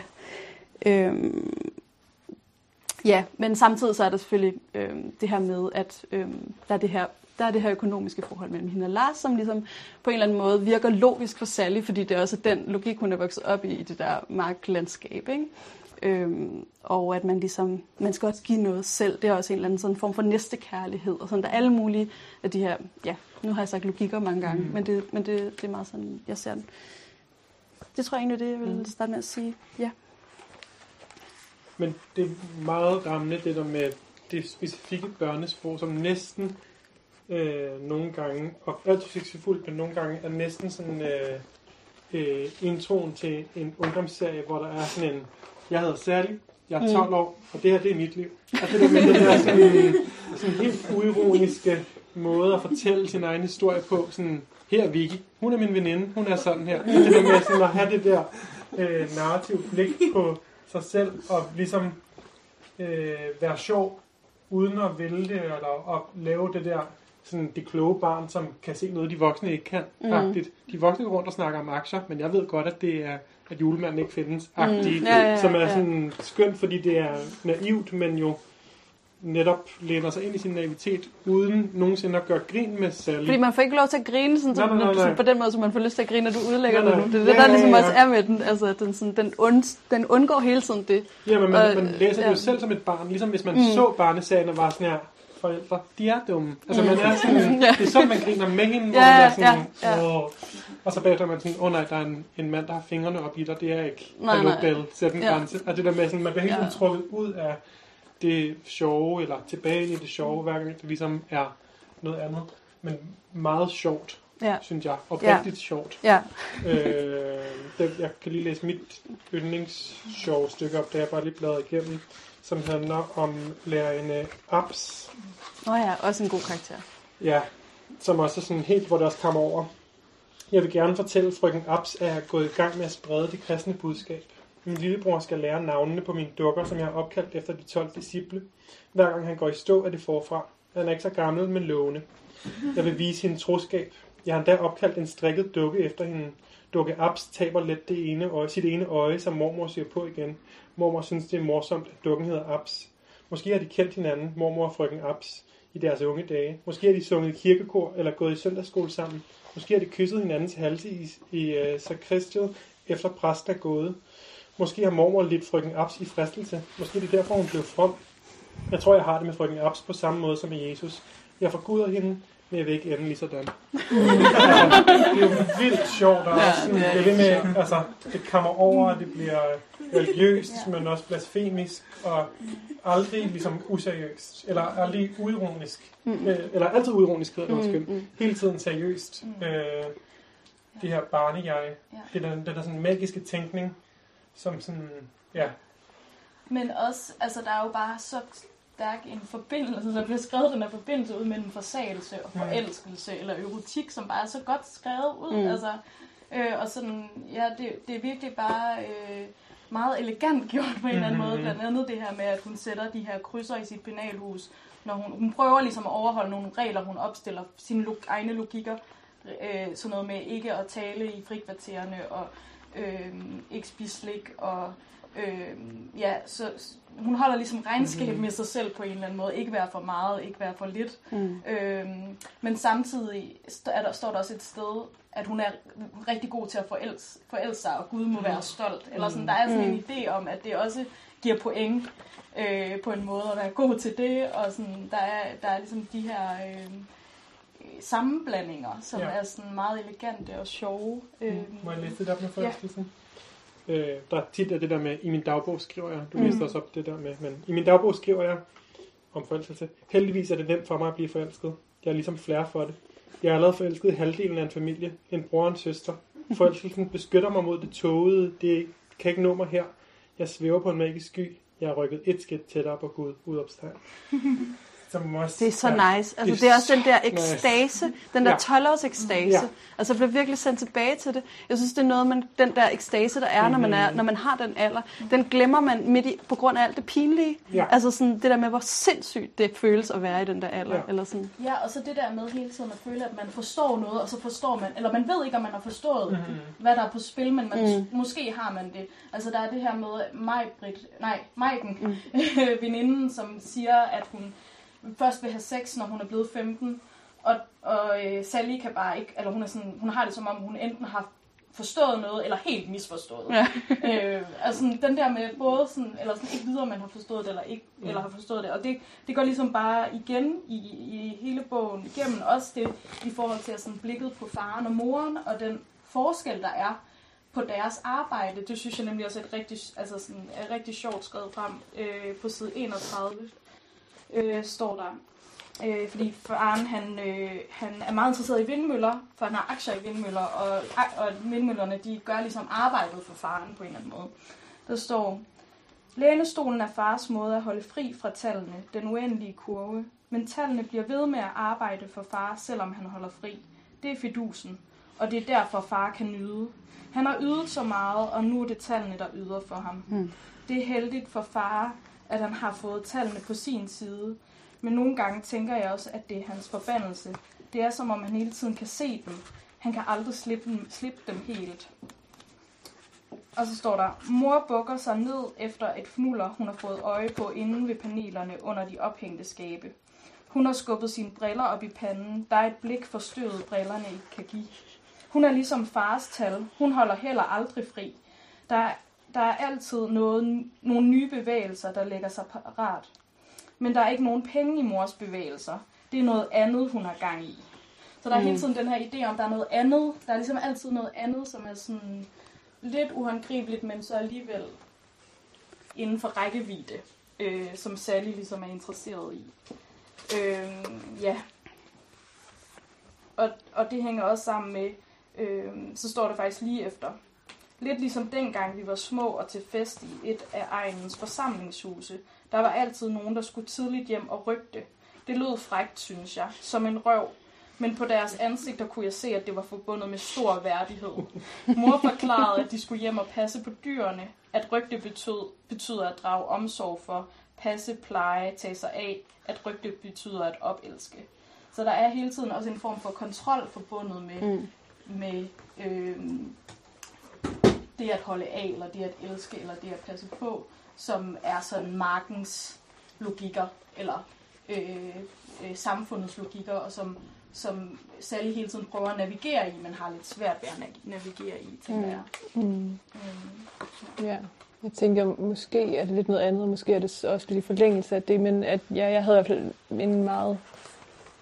Jeg ved ikke, om jeg har læst så mange bøger, der på, som den her kan beskrive ligesom også, hvad det er at øh, indse eller blive opmærksom på, at man er en pige, Mm. og hvad det betyder. Og det, den er jo rigt, den er jo vildt sjov, den her bog, men den er, der er også sådan, i al den magi, der er i den, er der også nogle, nogle ret uhyggelige ting. Altså selvfølgelig det, du også var inde på med Lars, men ja, jeg ved ikke, jeg synes sådan gang på gang, at jeg, at jeg kunne genkende og også blev slået af det der, sådan, den der oplevelse af at være en pige. Altså der er for eksempel et sted sådan relativt langt hen i bogen, hvor at Sally øh, er blevet optaget i sådan en øh, teatertrup for børn, og de har spillet Brødrene Løvehjerte, og hun har været tvebak, og så skal de så bagefter interviews øh, i sådan et øh, radioprogram, hvor et af spørgsmålene så er, øh, når man, øh, hvordan er det sådan, egentlig at spille en dreng? Og det sådan, kommer lidt som et chok, det her spørgsmål, og hun ved ikke, hvordan hun skal svare på det, og så bliver svaret ligesom sådan, jeg er jo ikke en dreng i virkeligheden. Og hun kan ikke finde ud af, om det her svar det sådan er for meget eller for lidt. Mm. Øhm, og så kommer hun hjem, øh, og så sker der ligesom det så, at hun farver sin lillebrors ansigt, spørger ham, om han vil prøve, prøve at være en pige, og så farver hun hans ansigt med morens læbestift, sådan hele hans ansigt rødt. Og han er også meget sådan, han står bare klar Ja, ja, han er klar. Han bare ventet på det. Sådan, Men det er også bare sådan, øh, et, et grusom passage, eller sådan, Ja. fordi han så ender der, og så bliver han vildt ked af det og begynder at græde. Nu vil han ikke en pige alligevel, og sådan, så er hun sådan, ja, men sådan er livet, Lasse. Var meget, ja, altså, vildt sjovt, men også sådan uhyggeligt. Mm. Øh, Ja. Og også hele den der, altså hun er jo 12, men der er jo enormt meget seksualisering. Ja. Altså Ja. øh, ting, der bliver råbt efter hende i den der lille landsby, og øh, klap i numsen, og sådan. ja, Øhm, ja, Ja, hele det det, er der meget forløb med Lars. at være altså, udsat for andres blik, og sådan Mm. prøve at finde ud af, hvem man selv er i det. Og så, ja, så det, som, som du også var meget inde på i, i dit introduktion, men sådan med de her ritualer, øhm, forsagelsen, som du også talte om, Andrea, men tænk tænkte måske bare at læse et lille stykke op, hvor at Vicky og Mike og Sally mødes for at lave sådan en form for ritual. Vi har aftalt at mødes ved busskuret kl. 10. Vicky og Maiken og mig. Fuldmånen lyser kornet op. Markerne ligner et stort sølvgråt hav, der bølger i vinden. I min rygsæk har jeg remedierne klar. En plastikbeholder, en synål, et æble. Vi vil lave et offer, vise Gud, at vi er her. Vicky og Maiken kommer gående nede ved markskældet. De har deres natkjoler på under jakkerne. Vi griner, da vi får øje på hinanden. Vi ser helt overnaturlige ud i måneskinnet. Vi ligner spøgelser, unge piger, der har fået en for tidlig død. Og så lidt længere nede. Vi presser små dråber blod ud af vores fingre og ned i plastikbeholderen. Så går vi ud af skuret og stiller os med ansigterne mod markerne. Maiken henter en håndfuld jord fra grøften og fisker en saks op af sin taske. Hun holder saksen op over vores hoveder, så metallet skinner i månelyset. Giv os din styrke og alt din magt. Du og din almægtige hånd, siger jeg med mest alvorlige stemme. Vicky og Maiken gentager efter mig. Maiken klipper lidt af vores hestehaler, og til sidst klipper hun lidt af sin egen. Hun rører rundt i blandingen med en fjer fra en måge. Øhm, ja, et ritual, der så til sidst også munder ud i, at, at øh, Vicky har læst i Vi Unge, at man kan få større bryster, hvis man masserer dem. Mm. Øh, Vi unge er også meget med. Vi unge er meget med, ja. Og Wendy-bladet også. Ja. Øh, har I hørt det med, at man får større bryster, hvis man masserer dem, siger Vicky. Maiken spærer øjnene op. Hun er flad som et bræt. Hvem siger det? Vi unge, siger Vicky. Det er vel relativt, siger jeg og tager en bid af æblet. Men Maiken er hugt. Hun rejser sig og tager sin jakke og natkjole af. Hun vil smøre det, der er tilbage af blandingen på sine bryster. Hvis det nu virker, siger hun. Vicky nikker.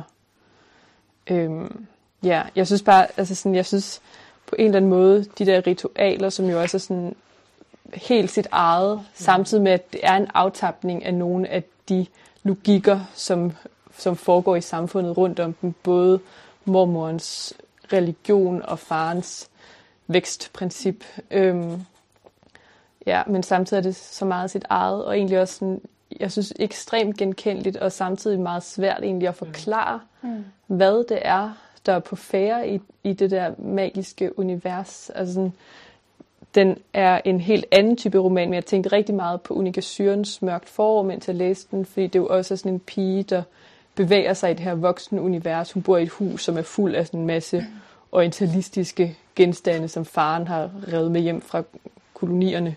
Og så laver hun ligesom sit eget magiske rum med sine egne små figurer, og har også en praksis. Hun er også forelsket i en mand, som hun ligesom begærer på afstand, og så får hun fat i lidt hår og et billede af ham, og som hun så ligesom laver en form for magisk ritual med i en, i en roman, en lille roman, som jo på mange måder er meget mørk, eller mørkere på en helt anden måde, end den her er.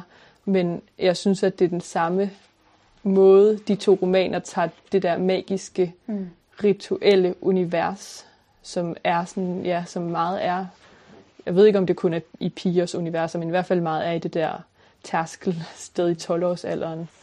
Øh, jeg synes, det er virkelig, virkelig stærkt, og jeg synes ikke, at måske også i Johan Lykke Holms øh, Natten før denne dag er det et, et stærkt tema, men jeg synes ikke, der er så mange romaner, jeg har læst om det. Mm. Øh, Men jeg tror også, Ja. der er noget med det der. Jeg tror helt klart, der er et spørgsmål om feminitet Ja. eller sådan. Altså den der begyndende andetgørelse på en eller anden måde. Øh, og det sådan hekset, eller hvad man skal sige, sådan, øh, ved de der ritualer, som der også er i det. Jeg Ja. tror også på et tidspunkt, hun skriver, at noget af det, hun frygter mest, hun laver sådan en liste over de ting, hun frygter mest, og det er blandt andet at blive brændt på bålet. Ja. Og det er ikke, fordi det bliver nævnt noget sted Nej. ellers, men den der øh, frygt for, op, altså, men, men, i det, men det gennemsøger jo på den anden side bogen, det der med at være den forkerte type pige. Ja. Altså sådan, og jeg tænker, at det er sådan, de der ritualer bliver sådan en ud, udladning, eller et måde ligesom at sådan komme rundt om det på. ja, Øh, Ja. ja, helt klart. Som er, er noget, der ikke har været nødvendigt tidligere, for der har man bare været barn. Ikke? Jo. Altså, Jo, beskyttet fra det blik, eller sådan. Ja. ja. Jamen, det er det, der du læste op fra det første citat. Jeg ved, at en pige lever på andres nåde, mm, som også er, apropos Johan Lykke Holm, i Strikka, som er det der med en, en pige også allerede altid er et gerningssted, eller, eller det Ja. potentielle gerningssted. Det der med at, at være pige er noget farligt. mm, Øh, og det er der, man ligesom... Og det er den der jagt på forståelsen af det der usynlige, og mormoren har et svar, og faren har et andet svar, og Sally prøver så at finde på sit eget svar, ikke? Uden... Eller, men med noget held og noget ikke held. Men også hvor, at, hvor det til dels også er andre, der trækker i hende, eller bestemmer, hvor hun skal bevæge sig hen, fordi der står også på et tidspunkt, alt skyder ind i mig som en pil. altså, det er jo også den her åbenhed, mm. der er sådan meget, øh, gør sig gældende for hende. Men også det, at det er meget, når veninderne siger, hey Mark, mm. han er vild med dig. Mm. At så, så, er det sådan, så er der noget, der åbner sig, en mulighed, der åbner sig for mm. hende. Eller sådan, altså, og det synes jeg også er meget kendetegnende på en eller anden måde, eller tænker jeg er meget kendetegnende for den der ungdom, mm-hmm. at det er sådan, det er ikke kun, hvad man selv vil, det er også den opmærksomhed, man bliver givet af andre, der, mm-hmm. altså som pige, der trækker en, eller som kan få en til at gøre ting, som mm. at lægge hånden på Marks lov, mm. så han vinder i spillemaskinen, eller sådan, altså de der, øh, det der får hende til at gøre, som hun gør, og også være så ubeslutsom i forhold til, hvem hun skal mm-hmm. øh, være kærester med, eller sådan, mm. øh, som er sådan meget elegant skrevet frem. Øh, ja. Jamen det der med at opelske noget, ja. altså at, at blive rygtet ligesom ja. af verden på alle mulige måder, og af de andre, og af Gud, og at være ligesom spændt ud, sådan helt ømt mellem at være en krop i forvandling, samtidig med, at der er alle mulige, der ligesom hiver en, for at man skal gøre det ene og det andet, mm. og prøver at, ja, det der identitetssøgende, som i virkeligheden er, som kan virke pinligt, når man tager tilbage mm. på det, men når man læser det her, var det var så uhyggeligt og mm. ømt og Øh, sådan afgrundsagtigt. Ja, der var ikke noget overblik, nej. som man har nu over, hvor man var sådan, åh, oh, nej, jeg gik i røde gummistøvler, fordi jeg troede, det ligesom var, eller det med, man, mm. hver gang der skete noget, troede man, at det var nu en. Mm. Øh, ja. og det er det særlige også, hver gang der sker noget for hende, der er hun, kan det give noget identitet, og man kan sidde bagefter og være himle med øjnene over det, men når man er i det, var man, er man sådan, øh, ja. alt, alt, alt, der er noget, ja. Og samtidig er det også et portræt af ligesom, øh, at vokse ud af et bestemt sted, ligesom være produktet af et bestemt sted, ligesom de der majs mm. er, er produkt, altså være, være, ligesom at være rygtet, mm. på samme måde som de der dyr er rygtet, som de der majs er rygtet, og som Sally er ligesom skabt af det der sted, og så mm. samtidig have en længsel efter at komme væk derfra, mm. øhm, og på den måde faktisk øhm, det, det, det er måske mere antydet, end det er skrevet frem, men der er alligevel nogle steder, hvor, hvor det bliver tydeligt, at, at veninderne for eksempel nok kommer til at blive mm-hmm. i byen, og Sally nok ikke gør det. Mm-hmm. Altså at Sally måske vil på universitetet, siger hun på et tidspunkt, og så er veninderne helt sådan mm. himmelvendte øh, øjne-agtige, ikke? Eller det, at der er ingen forståelse. Og det, det handler sikkert også om et klasseaspekt, som heller ikke nødvendigvis er skrevet vildt meget frem, men, men der er alligevel sådan det der med, altså det er jo igen det der tærskelsted, ikke? Mm-hmm. det der med at have, været, have kun at have været et sted, og slet ikke kunne forestille sig noget, der foregår uden for det, mm-hmm. og så langsomt begynde at forstå, at der ligesom er alt muligt andet udenfor. Ikke? Jo, men det er fladland, ikke? Og mm. det der sådan, det horisontløse, var jeg ved at sige, mm. men det der evige horisont, det er ligesom bare sådan, du, kan ikke, du har ikke overblik over noget, du kan ikke, der er ikke nogen retning, det er bare ligesom mark, mark, mark, mark, mark, mm. ingenting, lige meget hvor du kigger hen, agtigt. Og netop det er sådan lidt, det er jo sådan mærkeligt den her by uden, eller det er sådan lidt et ikke-sted, som det også er på en eller anden måde, ikke? Mm. Med, bare med, med hovedgaden og kiosken og, og øh, blomsterbutikken. Mm. Ja. Men der er så også noget med, at det er også i marken, at ting sker på en eller anden måde. Det er også der, at ritualerne finder rigtig meget sted. Mm. Så det er ikke sådan, jeg synes ikke, det er sådan entydigt, at det ligesom er et opgør med marken, men Nej. det er rigtig meget et opgør med det, at der er et vækst for, at, at det kan blive høstet. Eller sådan, mm. altså, det princip, som ligger i mm. øh, den... Øh, dyrkning. Den dyrkning, ja, ja præcis. Som, så hun tager jo på en måde også øh, majsens parti, eller hvad man skal mm. sige. Altså, om, ja. og øh, mængdenes parti. Mm-hmm. Og, sådan, og dillen. Ja, mm. ja, der er hele tiden den her øh, ja, idé om at kunne være noget andet end træ, mm-hmm. eller mm-hmm. Dild. øh, som er meget sådan Ja, det er ret fint faktisk skrevet frem, den der øh, solidaritet, der også er med stedet. Eller hun er jo meget fascineret af en pige, der er kommet ind i klassen, som hedder Esther, og som kommer længere ud fra landet, tror jeg, fra en skole, der måtte lukke. Øh, og, sådan, og ja, hun sværmer ligesom lidt for Esther. Og så på et tidspunkt går de, hvor Esther siger et eller andet, sådan, om, du elsker virkelig markerne, gør du ikke? Og sådan, og hun må være sådan, det gør hun jo. Mm. Og det på en eller anden måde, eller sådan, bliver den der fascination af Esther jo også, at hun på en måde er frigjort mere fra de logikker, der er mm. det sted. Øhm, ja. Ja, Sally forsøger jo også at stanse, altså da markerne skal høstes, eller sådan en meget fin scene. Og, sådan, mm. ja, og netop det, det med majskolben, øh, som også er en ret voldsom scene. Jeg, måske skal jeg lige læse den op, den er ret kort. øh, langt ude på ringvejen kan jeg høre lyden af en bil, der passerer. Så bliver der stille igen. Majskolben er stærk og spændt i min hånd. Jeg klemmer sammen om den, holder den fast til, min kno, til mine knor bliver hvide og følelsesløse, til jeg er mere kolben end hånden. Jeg vil gå i et med majsen. Den ved, hvordan man lever. Jeg vil være en del af dens gule løfte, dens saft. Jeg trækker underbukserne til side og skubber majsen op, lader den fylde mig ud. Det føles vildt, fremmed, men også naturligt. Det er sådan, det er at være kornet, majsen, en del af den dyrkede jord. Mm. Ikke for meget og ikke for lidt. Jeg har alting i mig, forelskelsen, forsagelsen, det levende og det døde. Her kan ingenting nå mig. Fuck Tanja, siger jeg med majsen mellem lårene. Tanja har sagt, at hun er, hun er snobbet. Ja. Jo, men der er også det der øh, spillet mellem straf og nydelse, og ligesom øh, at ja, der til senere med Lars, hvor hun er øh, en af de aller, aller sidste scener, hvor hun er sammen med ham, eller hvor hun er hjemme hos ham. Mm. Øh, jeg stiller cyklen, hun er ligesom, hun er, øh, hun har lyst til at straffe sig selv, fordi der er en, der er død, som hun tror, hun kunne have reddet med en af sine ritualer. Øh, og mormor, så tager hun ind til mormoren, som før har givet hende en straf, hvor hun skulle tisse ud på marken. Og hvor der er beskrivelse af at marken, hvor hun sådan kunne høre marken slubber tisset i sig. Den visker sig. Ja, præcis, så der er også sådan en forbindelse mellem marken og hende. Men mormoren øh, har haft sådan en, en form for anfald, eller noget, men er ligesom ikke, øh, kan ikke tale længere, mormoren. Så hun kan ikke give nogen straf. Og så ved Sally ligesom godt, hvad hun skal gøre. Jeg stiller cyklen op af den beskyttede bolig og tager alt tøjet af, uden Lars har bedt mig om det. Jeg læner mig frem mod reolen med film. Jeg er våd som en af mormors tomater mellem benene. Han skubber sine fingre op i mig. Det er som om døden skyller ind over mig. Bølgerne kaster sig ind over reglingen og rammer mig fra alle sider. Jeg tænker, jeg vil dø for evigt. Jeg vil lide alle slags skæbner. Jeg vil have Esther og Niels. Jeg vil have Mark og Tanja. De skal dække min krop med hænder og kys. Lars åbner VHS'en med pungen i og giver mig de sædvanlige 100 kroner. Jeg ryster på hovedet. Det er dobbelt op for orgasmer. Han ser skeptisk på mig, så bløder ansigtet op i et smil. Uden foran de beskyttede boliger banker mit hjerte så hårdt, at jeg får lyst til at slå det i stykker. Jeg sætter mig på huk over en kloakrest på bagsiden af plejehjemmet, hvor ingen kan se mig, fire pengesedler ned gennem resten og slipper. Så hun har ligesom mm.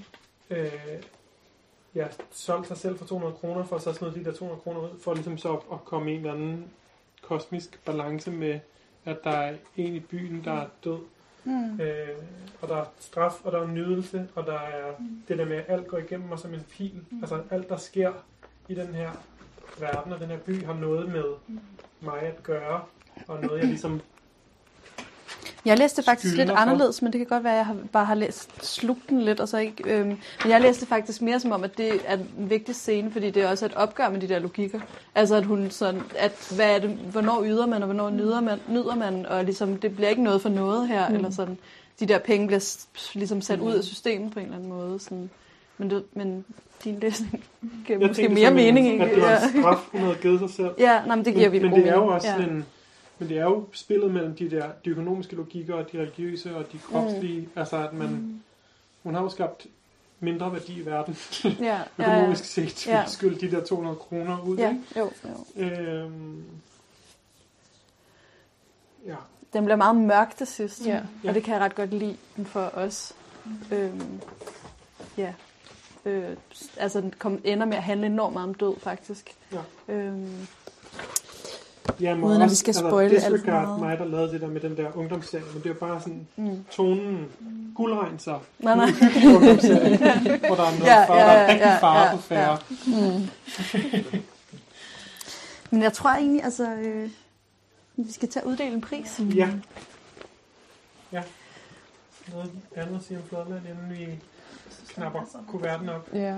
De, det er ikke den, altså, det sjove er også uhyggeligt, og det hyggelige er sjovt, og den er Mm. virkelig, virkelig, virkelig velskrevet. Mm. Og meget sådan, jeg har anmeldt, jeg anmeldte den i politikken for noget tid siden, så jeg gemte den ligesom til sidst, som læsning her til dag, og har den her gang sat alle de her post-its, fordi jeg bare var sådan, det var sjovt, og det var godt, og det var, altså den er virkelig sådan rosende, lykkelig at læse, og du nævnte i første omgang om Anne Linde, det der med, at at en bog, der føles som noget, man har ventet på, og det er måske sandt for alle bøgerne, men især også for mig for, med Fladland, at være sådan det uventede, men, men også sådan et endeligt. Ja. Mm. Ja. Vi snakkede også om det der med, at, at øh, øh, en af forlæggerne, Brunstorff, havde sagt det der med, at det var underligt, at der ikke var nogen anmeldere, der havde sagt noget om Lars. Mm. Og det er jo også rigtigt, at det er vildt underligt, fordi han er jo en virkelig vigtig person, men jeg tror også, det har noget at gøre med, at bogen er så, at der er så meget at hive frem. Ja. Der er så mange virkelig vilde karakterer, og Ja. sjove og uhyggelige og spændende karakterer. Ja. Øh, så det er sådan, ja... Øh, og man bliver også rigtig meget opslugt af det her pigespil, og også rigtig meget forholdet mellem mormoren Mm. mm. og Sally, som vi faktisk heller ikke har snakket så meget om, Mm, men som mm. jo altså også er rigtig spændende. Mm. Øh, og mormoren som karakter er jo også bare fantastisk Mm. sjov, og, ja, og det er også tragisk med hende, at hun Mm. mister Mm-hmm. gnisten eller en ny livs. Øh, ja. Ja, men det er også fordi, at eller det er på en gang en bog, som sådan rigtig gerne vil læses, altså sådan, og som er Mm. altså enormt lystfuld at læse, og samtidig så er den jo også meget kompleks, mm. altså Mm. fordi at alting hele tiden er forbundet, sådan, der er nærmest aldrig en forelskelse uden døden ikke også står og lurer bagved, eller sådan alle de logikker, der er bundet sammen, altså sådan handler meget om død til sidst, og, Mm. og døden er jo også ligesom øh, ja, præsenteret fra starten, og jeg synes, det er meget spændende også den der skældning, der så er i religionsundervisningen mellem Maria, der kan føde børn, og den her form for sådan, på en gang lykke og ulykke, det er, der kan ske for en pige, hvis hun bliver gravid. Mm. Den mulighed, der er i det, og så sådan Jesus, som er bare er død. Mm-hmm. Og, sådan, og det her med, hvor man siger på et tidspunkt med at forklare døden, at når man det er ligesom en stak med tallerkener med guldkant, som du har passet enormt godt på, og så lige pludselig beslutter dig for at give slip på dem, eller sådan, Mm. det er døden, eller sådan det. Ja, jeg ved ikke, jeg synes, at, at, øh, ja, at det er ret, altså samtidig også sådan ret svært at sige noget endeligt om Mm. den, fordi den Ja. er så, ja, Men det er også en, intrikat. det er, Det er en kæmpe kvalitet, kvalitet, Ikke? altså. Altså, at det ikke bare er sådan, Ja. ja. så var det sådan, Ja, ja, fordi Ja. markerne var sådan, så Ja. var det jo sådan. Ja. ja, det er en kæmpe ros. Mm. Skal vi knap kuverten op? Ja. Øh, her er den her pokal, som er en kop, som ankom i dag med posten. Det er øh, min kæreste, der har lavet det her meget flotte, originale design til øh, kritikersalongens favorit 2021. Nikolas Jakowski hedder, når man siger hans navn, så det ikke bare er et, en relation. øh, som har lavet den her kop, som vi nu skal give til vinderen, og Andrea får lov til at Får jeg lov? du får lov til at afsløre det ved at... Du skal åbne kuverten, og så skal du læse det, du selv har skrevet, der står i den. Hvad med alt det andet? Det Det læser vi bagefter. Det, okay, Ja. godt, godt. Det er planlagt. Mm. Noget til mindste detalje. Okay. er I klar? Er I klar? Er I klar? Okay. Jeg har skrevet om vinderen. I Fladland skriver Ditte Holmbro lige frem rørende, så modigt og sjovt om at være pre-teen, om både at være for meget og for lidt, at forstå og helt misforstå lokalsamfundets koder i et befriende fordomsfrit sprog. Så Ja.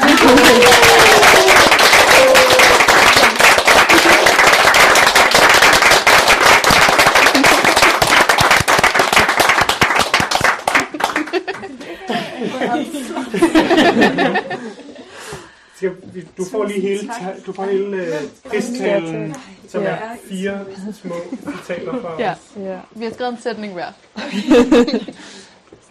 Fladland har absolut gehør for det frydefuldt triumferende, for stoltheden, men også for det uretfærdige i at være en pige, der elsker kornet, men slægter dildplanten på. Ditte Holmbro fremskriver et sted mellem engle, aktier og marker.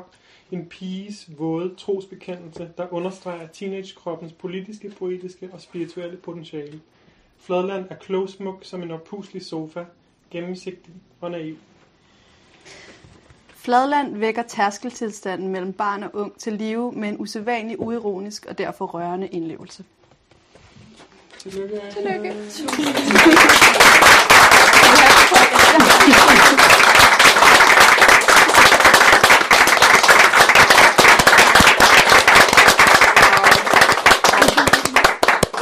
Ej, tusind tak for jeres læsninger.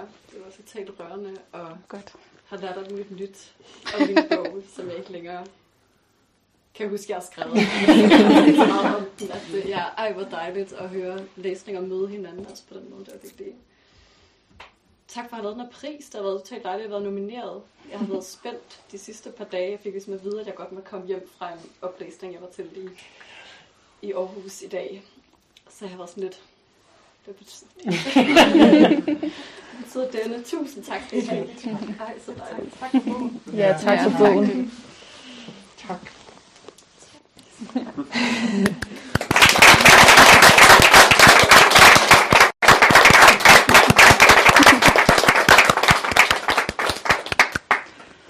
Ja, det var alt for Det. Kritikersalon 2021. Øh, I kan købe bøgerne op på skrivebordet eller en anden gang, eller lånebibliotekerne. De er alle tre virkelig, virkelig gode. Ja. Øh. Ja. Øh, og så ses vi måske i 2022 om Kunstfonden og vi vil det. Og aktierne og englene. Alt det usynlige går i vores retning. Ja, smitterne. Eller smitten. Ja. Ja, tak. Pas på jer selv. Ja.